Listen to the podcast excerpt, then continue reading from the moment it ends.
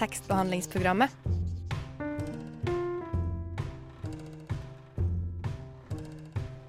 Tekstbehandling på radio.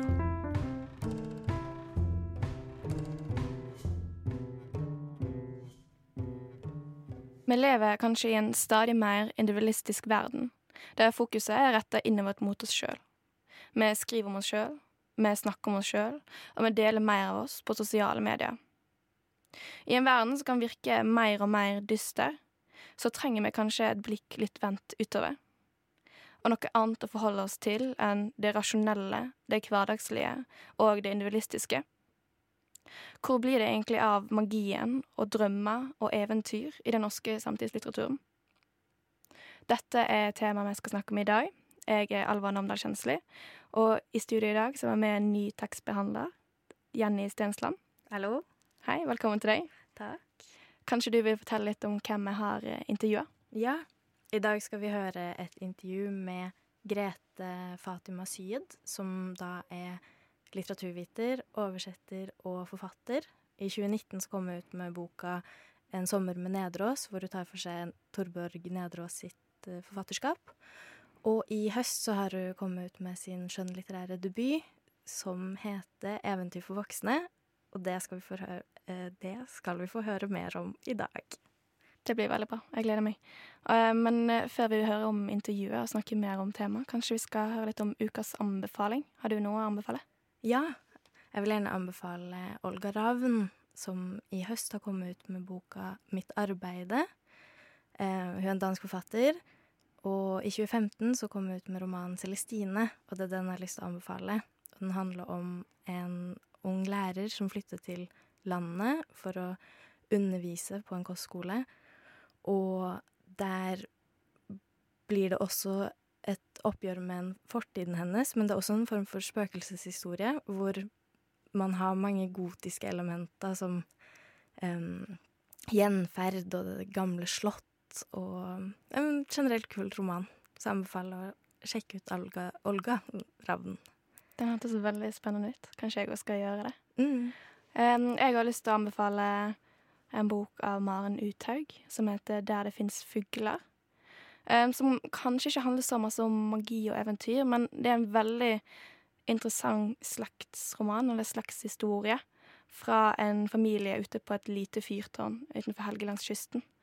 Og det jeg syns er så bra med denne boken, her, den er veldig veldig bra skrevet. Og man blir på en måte dratt inn i fortellingen med en gang, og glemmer egentlig den virkeligheten jeg lever i nå.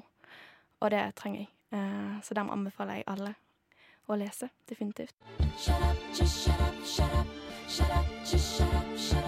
Hysj! Nå hører vi på tekstbehandlingsprogrammet. Når man ser på de bøkene som er blitt utgitt nå, og bokhøsten de siste årene, så er det veldig mange bøker som er veldig rasjonelle, realistiske og virkelighetsnære.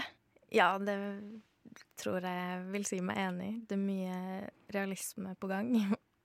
Har du noen eksempler på noen bøker? Man har jo alle de virkelighetslitteraturromanene, for eksempel, med Vigdis Hjorth og Knausgård. Men så, man, ja, man ser jo også Knausgård har jo kommet med en ny bok i høst som kanskje beveger seg litt mot en annen retning. Men uh, man, jeg vil jo si at man generelt ser Eller man har mye realisme og virkelighetsnære romaner i, uh, I Norge. Ja, ja. i bokhøsten. Um, Fins det noe motsvar til det? Har vi noen andre bøker som på en måte går litt lenger vekk fra det som er rasjonelt, da? Um, det er jo den boken til Grete som vi skal snakke senere om i dag. Og du nevnte jo Knausgård. Er det noe Mm. andre vi kommer på sånn Mm, jeg eh, tenkte litt på Mathias Fallbakken sin roman 'Vi er fem', som, som absolutt eh, går litt bort ifra det man kan tenke at er sannsynlig, kanskje, for at eh, Den handler om en leirklump som blir le levende, og den er kanskje Den er også fortalt i en litt sånn eventyraktig stil, går litt tilbake i en sånn gammeldags eh, fortellerstil i hvordan denne um, I hvordan narrativet går fram, og da har man uh, sci-fi-elementet som, uh, som kommer inn med at han blander litt sånn Han blander en del jord og leire sammen med litt forskjellige kjemiske greier, og så plutselig så blir det en sånn leirklump som blir, som blir et levende vesen og, og reagerer emosjonelt og følger etter de som en liten hund. Og jeg vil si at den blander på en måte både sci-fi-sjangeren, kanskje, men også med det veldig sånn folkeeventyraktige. Så den er absolutt en, et motsvar til kanskje til den realistiske tendensen. Og det er kanskje litt i hvert fall jeg tenker selv at det er litt deilig å lese om noe annet som på en måte ikke er rasjonelt. Um, fordi at det er jo litteraturen man, man, får jo mulighet til å drømme seg bort til å fantisere og, og, til å på en måte komme på ting som ikke er mulig i det virkelige livet.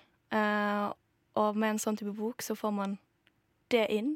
Um, ja, og man, det er jo kanskje det litteraturen skal. og vil, og skape nye bilder, og, og, at man skal leve seg inn ved å, å, skape de her bildene. Og da trenger man jo et språk som muliggjør det, og som kanskje tar en bort fra den hverdagen man går rundt til, rundt i, til vanlig. Og det, det, er jo kanskje noe sånn eventyrmomenter og Eller eventyrelementer og noe av den mer fantastiske litteraturen kan jo kanskje bidra til det. Og så tenker jeg også det er viktig på en måte at det ikke blir for fjernt. Mm. Altså at språket òg må være litt virkelighetsnært. Um, for hvis det blir for fjernt, så blir det òg helt unødvendig å lese. Altså det må være noe virkelig i det uvirkelige. Og det høres ut som den uh, Vi er fem av Fallbakken mm. er. Den har jeg ikke lest. Jeg har veldig lyst til å lese den. Uh, det er veldig mange bøker jeg har lyst til å lese. Ja. Her på en lang liste. Men jeg tenker på dette her med både magi og drømmer det er jo like viktig i det hverdagslige livet som alt annet som skjer. Og det skal vi jo høre litt mer om i intervjuet til Grete. Hei, jeg heter Aune, og du må høre på tekstbehandlingsprogrammet. Fordi kunnskap og viten, det er det mest vidunderlige på denne jorden. Som sagt så har vi, eller jeg har intervjua Grete Fatima Syed, som nettopp har kommet ut med boken 'Eventyr for voksne'. Og i intervjuet så snakket vi litt om bruken av både magi og eventyr i boken. Og vi snakka litt om det at magi og drømmer er på en måte like viktig i livet og kanskje i litteraturen som alt annet. Og så eh, snakker vi litt om språket er på en måte det som gjør en historie god. Du har jo nettopp kommet ut med en ny bok, eller 'Eventyr for voksne'. Hva handler egentlig den om? Den handler om en gutt som står mye i vinduet og ser ut. Um, og det er liksom et sånt grunnbilde, da.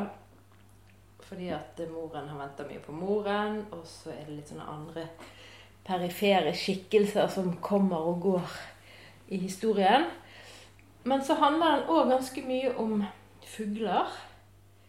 Uh, og de kom egentlig bare flygende inn når jeg holdt på med, med denne. Det har vært en litt sånn rar prosess, fordi at det er en tekst som jeg har egentlig holdt på med ganske lenge, men sånn til og fra. Den begynte opprinnelig Jeg hadde vært på Gotland, der er et senter for forfattere og oversettere. Uh, og så begynte jeg, når jeg kom hjem, så bare skrev jeg sånne glimtvise inntrykk og minner fra den tiden jeg hadde vært der. da. Men nesten alt der er vel egentlig vekke, bortsett fra det mottoet som er fra en georgisk forfatter. Det som står aller først. En georgisk forfatter jeg ble kjent med der nede. Men disse fuglene tror jeg kom flygende inn eh, litt fra Gotland. Fordi at jeg har nå aldri vært særlig interessert i fugler. Men det er han gutten, da. Han eh, pønsker og, og, tenker og Det er ikke sikkert at alt egentlig er hans tanker, det vet jeg ikke helt. Men, men det er i hvert fall mye fugler òg. Og så er den tredje tingen som boken handler om, det er eh, litt sånne konger og dronninger fra eventyrene. Det er mest konger og dronninger. Der er vel Rødhette, eh, Svinser innom. Men det er ingen av de norske som Askeladden og sånn. De er ikke der. Og så gjør de jo ikke sånn Det er ikke på en måte sitat fra eventyr eller henvisninger til konkrete eventyr som fins. Det er mer de figurene, da. Særlig kongen og dronningen. Ja, for du har jo du har tidligere snakka om at eventyr og drømmer og magi er viktig i et menneskeliv. Kan du snakke litt mer om det? Jeg tror at vi er ganske sånn begrenset på mange måter. At vi har begrenset oss sjøl i, i måten vi tenker på, egentlig i måten vi lever på òg, da. Har vært opptatt av drømmer ganske lenge. Og jeg tror jo det når du gir plass til den, den delen av verden, eller den sfæren, eller den måten, så får du litt sånn rikere Jeg skal ikke si at jeg har så veldig rikt indre liv, men jeg syns i hvert fall det er spennende å, å ikke bare tenke sånn logisk. Ikke bare tenke sånn ja, nå skal jeg handle melk og brød, og det må jeg gjøre klokken fire, for klokken fem skal jeg ut, og sånn og sånn. Men at det, at det er godt for oss mennesker å òg ha liksom drømmer, musikk eh, Ja, kunst. Alt sammen kunst gjør selvfølgelig.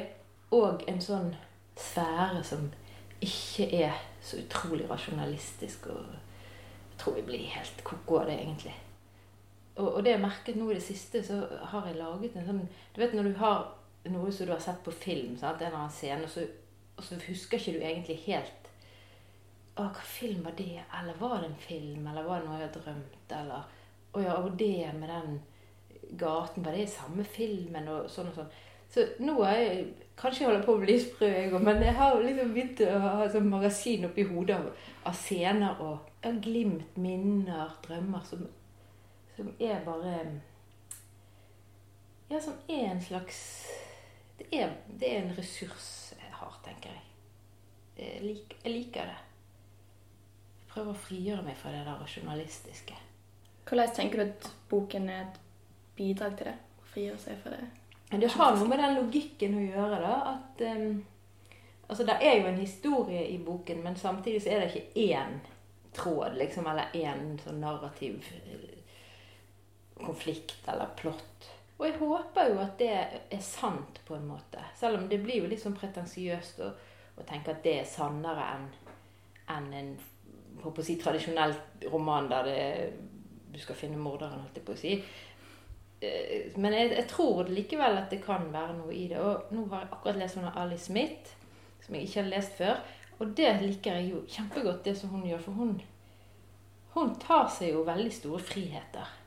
Det er ikke sånn at boken har et stempel der det står science fiction eller dystopi eller et eller annet sånt. Tilsynelatende er det realisme. Det er sånn vanlige folk som går rundt i London og står i kø på postkontor og sånn. Men så plutselig bare stikker hun av i helt Ja, det syns jeg er utrolig flott. Utrolig fascinerende. Way to go, altså. Ja. Og det å skrive sant Mange fattere snakker alltid om at de skal skrive sant. Hva handler egentlig det om? Og tror du man kan skrive sant ved å bruke eventyr og magi og drømmer? Ja, det tror jeg absolutt. For det, det blir jo kanskje en annen sannhet, da. Men når jeg jobbet på universitetet og underviste f.eks. i barnelitteratur, så hadde vi jo eventyr, selv om eventyr opprinnelig var jo ikke for barn. Altså De klassiske eventyrene, mange av de er jo veldig drøye. Men da er det jo vanlig å tenke f.eks. på de figurene som sånne arketyper. sant? At det, du har veldig ofte sånn, den onde stemoren, og så har du barnet som er jaget ut i skogen eller lagt ja, skal dø, og sånn og sånn. Og hvis du tenker sånn psykologisk at det er et symbolspråk, så er jo det sant. For det, eh, barnet, det lille barnet er jo utrolig hjelpeløst.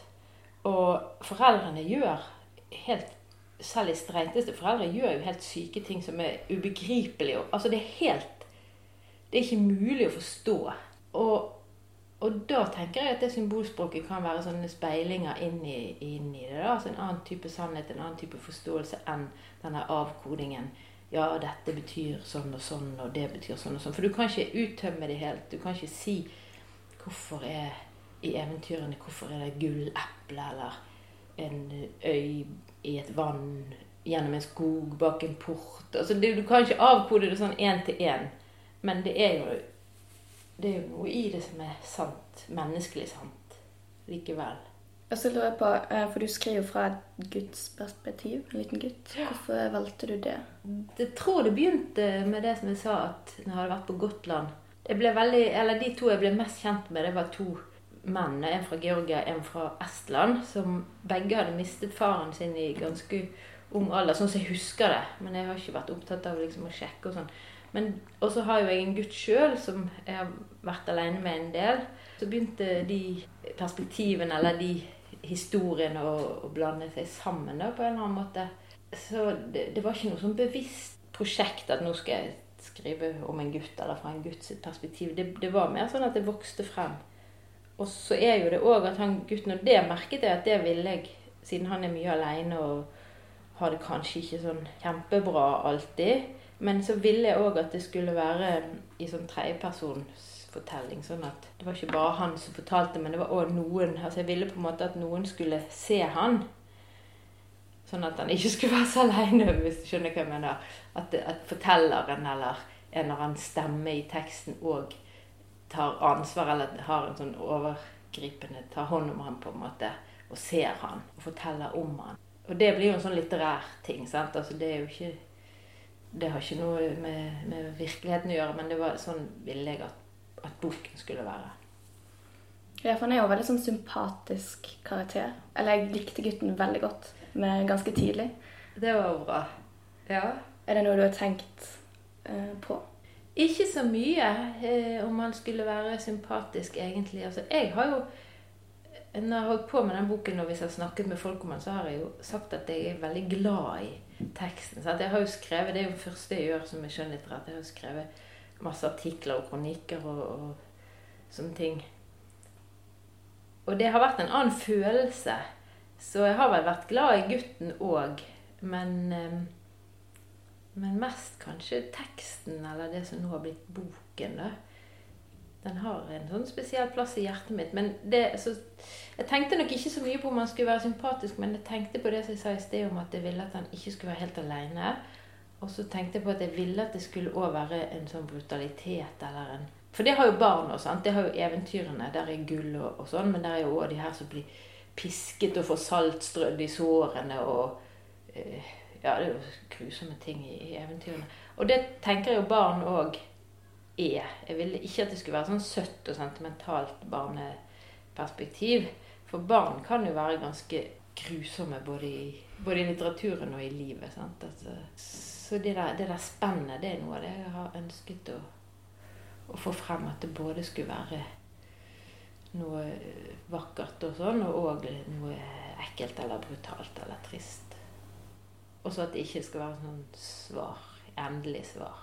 For det er, de, det er sånne tekster jeg sjøl liker. Ja, litt sånn sprø, eller litt Så Som gjør noe uh, Det må ikke bli kjedelig.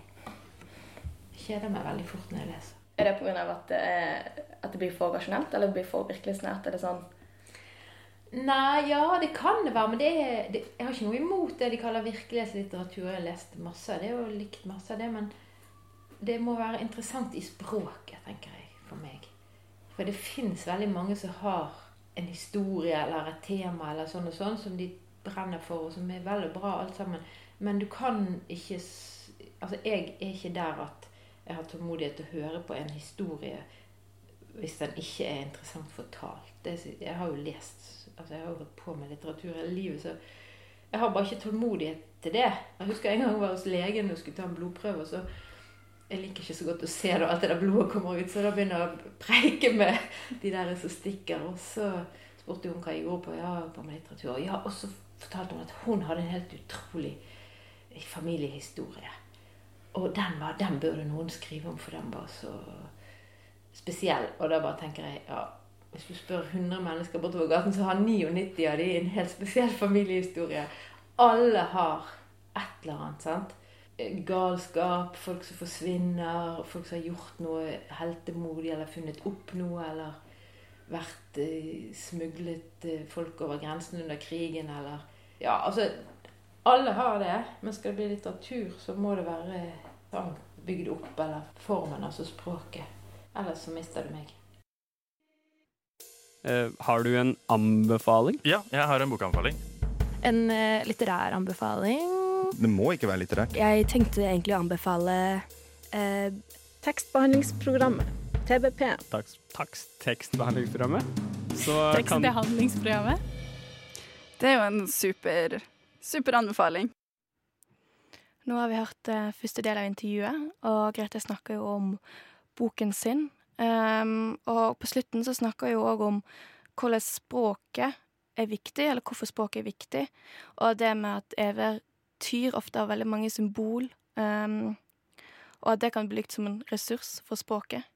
Jeg tenker jo at det ligger mange muligheter både i å trekke på, på gamle mytiske skikkelser, eller ting som har gått gjennom figurer man kjenner godt, opp gjennom en lang kulturhistorie.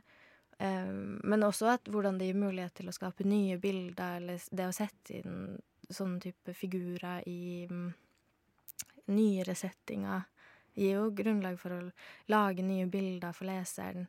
Og i denne Eventyr for voksne, romanen som vi har hørt om, så uh, er det jo også flere dronning En dronningskikkelse, men man har også andre eventyrfigurer som man kjenner fra før av, men som kanskje blir plassert litt på nytt. Og det legger jo opp til at man da som leser får nye bilder inn i hodet, og muligheten til å oppleve gamle figurer på en ny måte. Og det er, det er kult ja. at man kan. Det er kanskje noe av det som gjør eventyrene klassiske, er jo at de alltid er relevante, og alltid kan bli brukt på nytt, og at de på en måte har den symbolske tyngden i seg som man kan leke litt med. da. Mm. Uh, og det følte jeg jo at Grete har gjort i sin bok. Yeah. Um, jeg tenker òg uh, fordi at Grete er jo veldig veldig opptatt av Torborg Nederås. Uh, og har vært med å stifte uh, Torborg Nederås-selskapet. Uh, Torborg Nederås er en forfatter fra Bergen som skrev veldig mye viktig etterkrigslitteratur. Um, og som gjennom sin litteratur sparker litt ifra seg. Hun har blant annet skrevet 'Amoneskyen gror ingenting', men òg trilogien eh, om Herdis. Og etter min mening så er hun lest for lite av oss unge, og egentlig snakka for lite om. Eh, og det er litt dumt. Ja, men det har jo også vært en stor debatt eh, i høst om Torborg Nedreås, hvor litteraturvitere som Toril Moi og Per Buvik og Irene Iversen, også Grete Fatima Syed, tror jeg har vært med i den debatten. Eh, og diskutert eh, kanskje en eh, debatt som handler mer om hennes realisme. Eh, mer enn det eventyrlige, egentlig. Så det kan man jo snakke om en annen sending. Men eh, da tenker jeg jo at uh, Nedreås har blitt mer aktuell igjen ved hjelp av den debatten nå. Ja, for noe av grunnen til at jeg tok opp Tove Nederås, er jo fordi at det er jo litt Det fins jo paralleller til henne og boken 'Eventyrene til voksne'.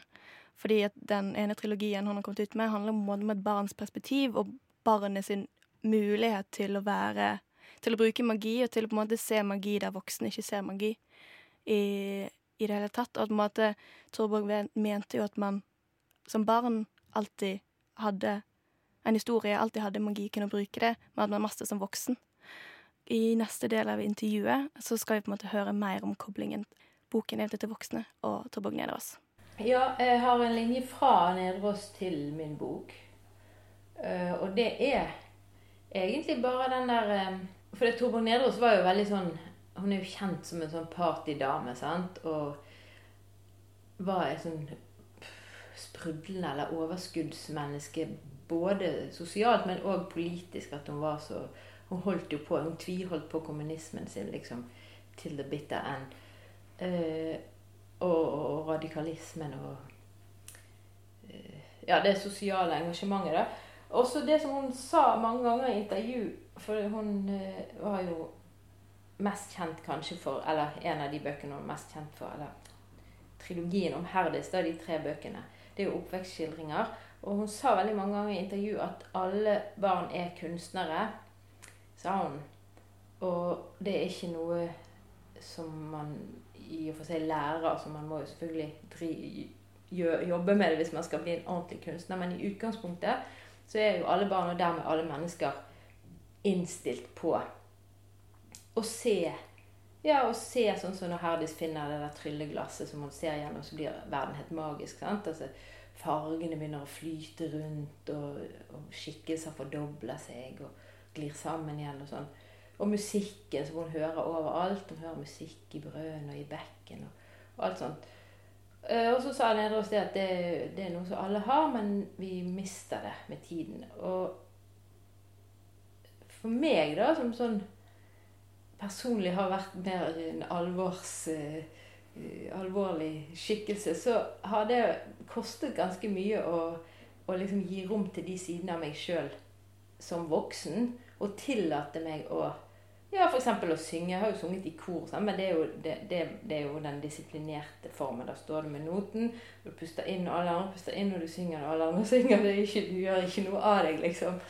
Mens det å, å tillate seg å ta plass og ikke Ja, sånn som Nedreås gjorde. Hun likte jo, hun elsket jo å få oppmerksomhet, og være midtpunktet på fest, og hun kunne solodanse og alt mulig. Og det å gi ut en bok er jo en slags solodans, da nesten. Er, du må jo på en måte Du må akseptere å si 'Ja, her er jeg. Jeg gir ut den boken. Fint hvis du liker den. Hvis ikke, så må jo det synd, men jeg gjør det likevel, så, det, så der går det en linje. Både i det at jeg faktisk har Jeg er jo ikke akkurat en ung debutant. sant? Er jo 52, så det har, det har tatt sin tid. Der går det en linje fra Nedre og så går det selvfølgelig en linje i det barneperspektivet. For hos Nederås er jo barnet altså Herdi, som vi følger fra hun er sånn ca. fem-seks år og ca. ti år frem i tid, hun er jo en sånn sansemaskin eller sanseapparat. Hun tar jo inn absolutt alt som de voksne driver med. Og for Nedreås hadde et, et, politisk siktemål med det. Hun ville beskrive den tiden der det var eh, altså rundt første verdenskrig, men det som vi kalte jobbetiden der folk begynte å spekulere veldig, og man kunne bli kjemperik på kort tid, men òg gå like, gå like ad undas økonomisk. Så hun ville jo kritisere profittjaget og det som hun så rundt seg. Uh, og gjorde det gjennom barnet, barnet sine øyne. Jeg gjør jo ikke det på den måten. Ikke sånn politisk på den måten. Men, uh, men ja, det er en forbindelse. Selv om den kanskje ikke er sånn kjempetydelig å se for andre, men for meg er det, i mitt liv er den der i hvert fall. Har du lyst til å lese litt fra boken? Fuglene nøler aldri. De går inn for landing som ingenting. I en tretopp. På et tak. På gresset der det ligger et bananskall. Det er grønt. Gresset, altså. Og under gresset er det mer gress. Så kom Eva-Lise. Jeg husker det også. Første gang hun kom mot meg på gangstien mellom blokkene, helt bestemt, som om hun skulle noe. Postmannen snudde seg fordi han aldri hadde sett henne før. Stemmen hennes, øynene hennes, det var som å komme hjem. Jeg vet ikke om det hadde gått så bra med meg uten Eva-Lisa. Jeg husker godt. Jeg husker fra nesten før jeg ble født. Ballen gikk i bekken. Det var den eneste jeg hadde. Den fløt. Det lå noe slimete grønt oppå den. Jeg kunne ikke nå den. Jeg prøvde med en pinne. Den gikk bare enda lenger ut. Etter noen dager fant jeg den igjen litt lenger nede mot fabrikken. Spretten var nesten like god, det var den. Litt eggete bare. Så mistet jeg den en gang til. Alt gjentar seg, sa mamma. Fotballen er rund. Det er fakta. Hvis man stabler en million todimensjonale ting oppå hverandre, blir det ikke noe høyere av den grunn. Det blir ikke som en bunke, en kortstokk eller noe. For de har ikke høyde. Dessuten kan ikke ting komme borti hverandre. Heller ikke i vår dimensjon. For molekylene eller cellene eller hva det nå er, er bygd opp sånn at det mest av alt er ingenting. Og en slags magnetisme. Det hadde vært plass til alt som faktisk fins oppi en veldig liten teskje, hvis ikke det var for mellomrommene. Til og med når du ser et fly som lander og røyken fra hjulene bare eksploderer i en avlang ballong bakover, så er de ikke borti hverandre. De er bare helt utrolig nær. Tekst! Du lytter nå til tekstbehandlingsprogrammet her på Radio Nova 99,3. Nå har vi hørt på intervjuet med Grete. Og både Nederås og Grete bruker jo et barns perspektiv. Og jeg tenker at gjennom et barns perspektiv så kan man også da bruke eventyr, drømmer og magi. For det er jo en større del av et barn sitt liv enn en voksen. Um, så derfor lurte jeg på, har, har, du noen eventyr fra barndommen som har vært viktige for deg, Jenny? Og det er, det er mange, tror jeg. Man kan jo tenke Brødrene Løvehjerte, for eksempel, og med den dragen eh, og Nangiala, som det her stedet man kommer til når man dør. Eh, eller Mummitrollet, eller Altså, det er jo mange Mummitrollet er kanskje ikke direkte eventyr, men det er jo også en fantasiverden som um, trekker litt på det. Men man har jo også de klassiske eventyrene og sånn som man, man har fått uh, hørt mange ganger, føler jeg. Hva med det? Jo, jeg er, en, jeg er veldig veldig glad i Mio i Mio. Det er egentlig min favoritt-barnebok. Uh, jeg husker jeg kalte opp uh, katten min etter hesten, Miramis. Um, og jeg føler Eller som barn så var jeg veldig, veldig glad i eventyr. Jeg fikk på en måte vært del i en verden jeg vanligvis ikke vært del i. Uh, så det var veldig bra for meg å lese det. Og jeg tenker at det er litt dumt at jeg slutter å lese eventyr. Ja. Og at jeg har blitt voksen sånn sett. Og at jeg leser bare det rasjonelle og, og ting som på en måte jeg kan oppleve sjøl, egentlig. Ja, men burde jo lese, ha mer av den uh, fantasiverdenen man kan gå inn i. Jeg husker første gang jeg leste Harry Potter og var på besøk hos bestemora mi og var helt inne i den uh, andre verden. Og det var på en måte en sånn uh, Satt seg igjen som sånn et veldig sånn åpenbaringsøyeblikk med litteraturen. At, at, jeg følte at jeg mista hørselen, for det jeg hørte ikke når, når jeg ble eh, bestemora mi spurt, sa navnet mitt. Jeg var helt inne i den andre verden. Og det tror jeg har også noe med litteraturen generelt, men også den, den helt andre verden man kommer inn i. Ja, og at den er så deilig å være der Mm. av og til. Um, ja, jeg er veldig Harry Potter og jeg er en god klassiker som jeg òg har lyst til å lese igjen, bare for å komme tilbake til den verden når jeg leste den. Men jeg tenker litt videre på dette her med Det har vært veldig masse snakk i det siste om at man skal skrive sant, og forfattere skri skriver hele tiden man må skrive sant. Men eh, man kan jo òg skrive sant og bruke fantasi samtidig. Kan man egentlig ikke det? Jo, det kan man vel. Det er jo ofte eventyr og Og de her alternative virkelighetene er vel ofte også kommentarer på den virkeligheten vi lever i. Jeg har eh, nylig lest et essay av Tor Åge Bringsverd som heter Det eventyrlige. Og det er skrevet i 1991, så det kan, men det vil si det fortsatt er dags, eh, dagsaktuelt. Og det, blir, det essayet er på en måte et forsvar for, eh, for her fantastiske litteraturen og det ikke-realistiske. Og han sier for eksempel et sitat, hvis noen lurer på, side 27. Jeg tror på eventyret ikke bare som en underholdende lek, men som en måte å formidle idealer og livsvisdom på. En snarvei til hjerte og forstand, for det er jo alltid oss selv vi møter forkledd som hekser, prinsesser, dyr og troll. Og det viser jo litt det der, det sitatet om koblinga mellom eventyr og sannhet, kanskje? Jo, det er vel, jeg syns det er veldig fint sitat, og jeg er veldig enig i det. Og man får kanskje den sannheten på en annen måte enn, enn å få den direkte. Altså man må lese litt gjennom linjene, eller man må på en måte eh, tenke litt utover teksten enn det konkrete i teksten. Og jeg syns det er veldig fint. Jeg syns det er en veldig viktig egenskap litteraturen har, å få oss til å tenke videre, og at eventyr òg får oss til å drømme litt bort eller i det essayet til Tor Åge Bringsværd så trekker han også frem eh, tre grunner til å gå inn i den her eventyrlige litteraturen, eller eh, hvorfor han bruker eventyr som metode når han skriver selv. Og da trekker han frem forelskelse som grunn én, at han opplever det som en forelskelse, den her eh, Ja, det eventyrlige og fantastiske med den litteraturen og frihet. At man har den her, som vi har snakka mye om, da, den her friheten til å, å, ikke være låst til den verden man faktisk eksisterer i, og at det gir mye større spillerom når man skal skrive litteratur. Men han sier også det siste svaret, som var det sitatet jeg leste opp, om troen på eventyret som noe som nærmer seg Som er ganske likt virkeligheten, egentlig, men en annen måte å tilnærme seg på den. Jeg tror man trenger det mer uh, i litteraturen enn det jeg ser i dag.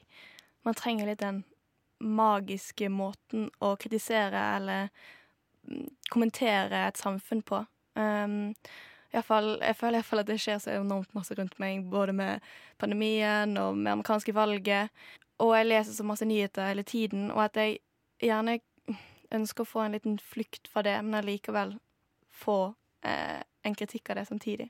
Mm. Gjennom både eventyr og bruke litt magi og drømmer. Hvis det, hvis det gir mening. Det gir mening. Men man kan jo også tenke på hvordan eventyrene var tidligere, med tanke på at det ofte er knytta til folketro og eh, har hatt en mye mer virkelighetsnær kobling enn den kanskje viser seg Eller enn den har i dag. At da eventyrene om eh, troll og hekser og spøkelser ble fortalt tidligere, så had, var den mye mer virkelighetsnær enn det vi tenker på som Eller det vi tenker at den er i dag, kanskje. Ja. Um, jeg, tror blir, jeg tror det blir vanskelig å på en måte skrive et klassisk eventyr i dag. Men uh, man kan fortsatt bruke de eventyriske elementene, de symbolene, de språkene, det språk, og den muligheten til å bruke fantasien sin uh, utover det som er virkelig. Det er vel kanskje det jeg savner mer enn akkurat de klassiske eventyrene. Er du hypp på å lese en bok, eller? Emily har lest Den gamle av Erling Kittelsen, en tekst som omtales som en fabel. Men denne moderne fabelen var kanskje ikke akkurat slik hun hadde forventa. Det er noe her jeg aldri helt forstår. Den gamle, Solomannen, satt alene igjen, tenkte sitt, grublet, greide til slutt å rive seg løs. Fabler lærte jeg om på grunnskolen, der vi måtte lage tegninger til haren skilpadden som løp om kapp, eller keiserens nye klær. Fabler blir tradisjonelt omtalt som korte fortellinger, ofte med elementer av besjeling, altså av dyr, vær eller andre fenomener for menneskelige egenskaper. Fablene har også som regel et moralsk budskap. Nylig plukket jeg opp boka Den gamle, skrevet av Erling Kittelsen og utgitt i 2018. En bok som blir omtalt som en fabel. Kittelsen viser for meg en litt annen versjon av sjangeren fabler. Det er ikke bare enkle bilder av at rolig, men stødig vinner løpet, men versjonen er like full tro til definisjonen av sjangeren. Den gamle handler om en eldre mann som vandrer rundt og føler på seg at han snart skal dø. Idet han kjenner døden nærme seg, våkner han opp i Dubai med en vakker dame, men vender raskt tilbake til hjembyen sin igjen. Fortelleren, jeg-personen, er en tidligere narkoman den gamle tok seg av på loftsrommet sitt, og jeg-personen fungerer som den gamles biograf i denne boka. Jeg ser på boka som en blanding av poesi, filosofi, myter og med et lite dryss av politisk ideologi. Dette har jeg hørt er vanlig for Erling Kittelsens forfatterskap. Den gamle er den første boka jeg leste av han, og jeg skjønte fort at jeg startet i feil ende. Ikke bare åpner boka med flere bruddstykker fra diverse tekster han har skrevet tidligere, det er også flere tråder som knyttes til andre av Kittelsens fabler, poesi og dramaer. Soloen, et vesen som kom opp fra vannet, og selkattene, er begge vesener som er litt mennesker og litt dyr, mytiske krefter som kan påvirke mennesker, som også er blitt nevnt i hans tidligere verk. Likevel kan jeg leve meg sånn halvveis inn i denne fantasifulle virkeligheten. Boken står fint alene, og språket er magisk og poetisk, med originale bilder og tanker. Det føles litt som en tekst nyforelska ungdommer leser for hverandre mens de ligger i hverandres fang i en blomstereng. Jeg måtte lese nøye og sakte for å få med alle detaljene, og på den måten merket jeg veldig sterkt en kontrast til de tradisjonelle, i gåstein, fablene jeg er vant til. Den beste måten jeg kan forklare det på, er begrepet showing versus telling, altså å dramatisere kontra å bare fortelle rett ut hva som skjer. De fablene jeg er vant til, lener seg nok mest på det siste. Men jeg føler språket bygger Kittelsens fabel til å showe i stor grad. Men kanskje det er fordi dette ikke akkurat er en fabel man forteller barn? Men samtidig så er jo fabler universelle, det moralske budskapet i dem er for både barn og voksne. Men jeg ville ikke akkurat lest den gamle som en natta-historie for barna mine. Kanskje dette er en moderne versjon av en fabel? Kanskje jeg bare ikke skjønte boka helt. Men jeg må vel bare lese den på nytt, da. Og fabler er jo noe man leser på nytt. Sammenlignet med de sterke strømningene av virkelighetslitteratur og romaner med karakterer og relasjoner som skal være så relaterbare, så er soloene og selkattene, den mystiske gamle og ideene og stemningen i Erlend Kittelsens fabel rett og slett deilig og forfriskende. Den skjønte at mange systemer som mennesker laget, nådde langt inn i soloverden, men at de strandet på sine egne spesialiteter. Menneskene ville kommunisere med alle, soloen ville se hva alle delte. Musikken i den reportasjen der ble henta fra CC Mixter, Mixter og bruken av en NIGID.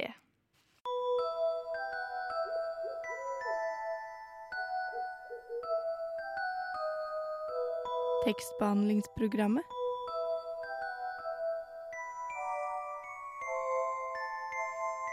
Den beste magien ligger i ordene.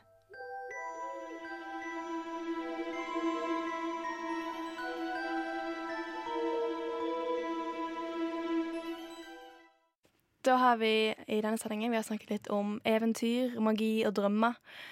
Og både de klassiske eventyrene, men vi har også snakket litt om, om å mikse det med moderne skjønnlitteratur. da.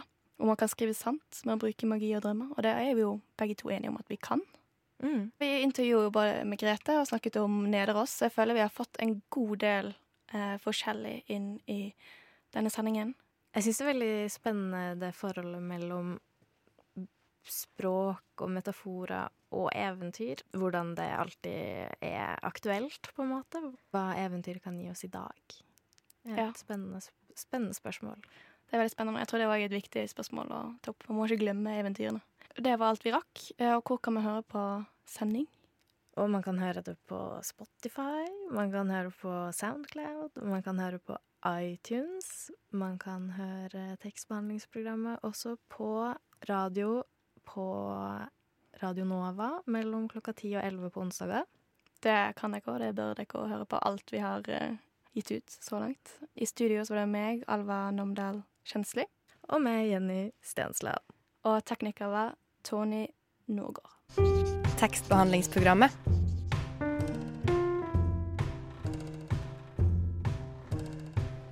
Tekstbehandling på radio.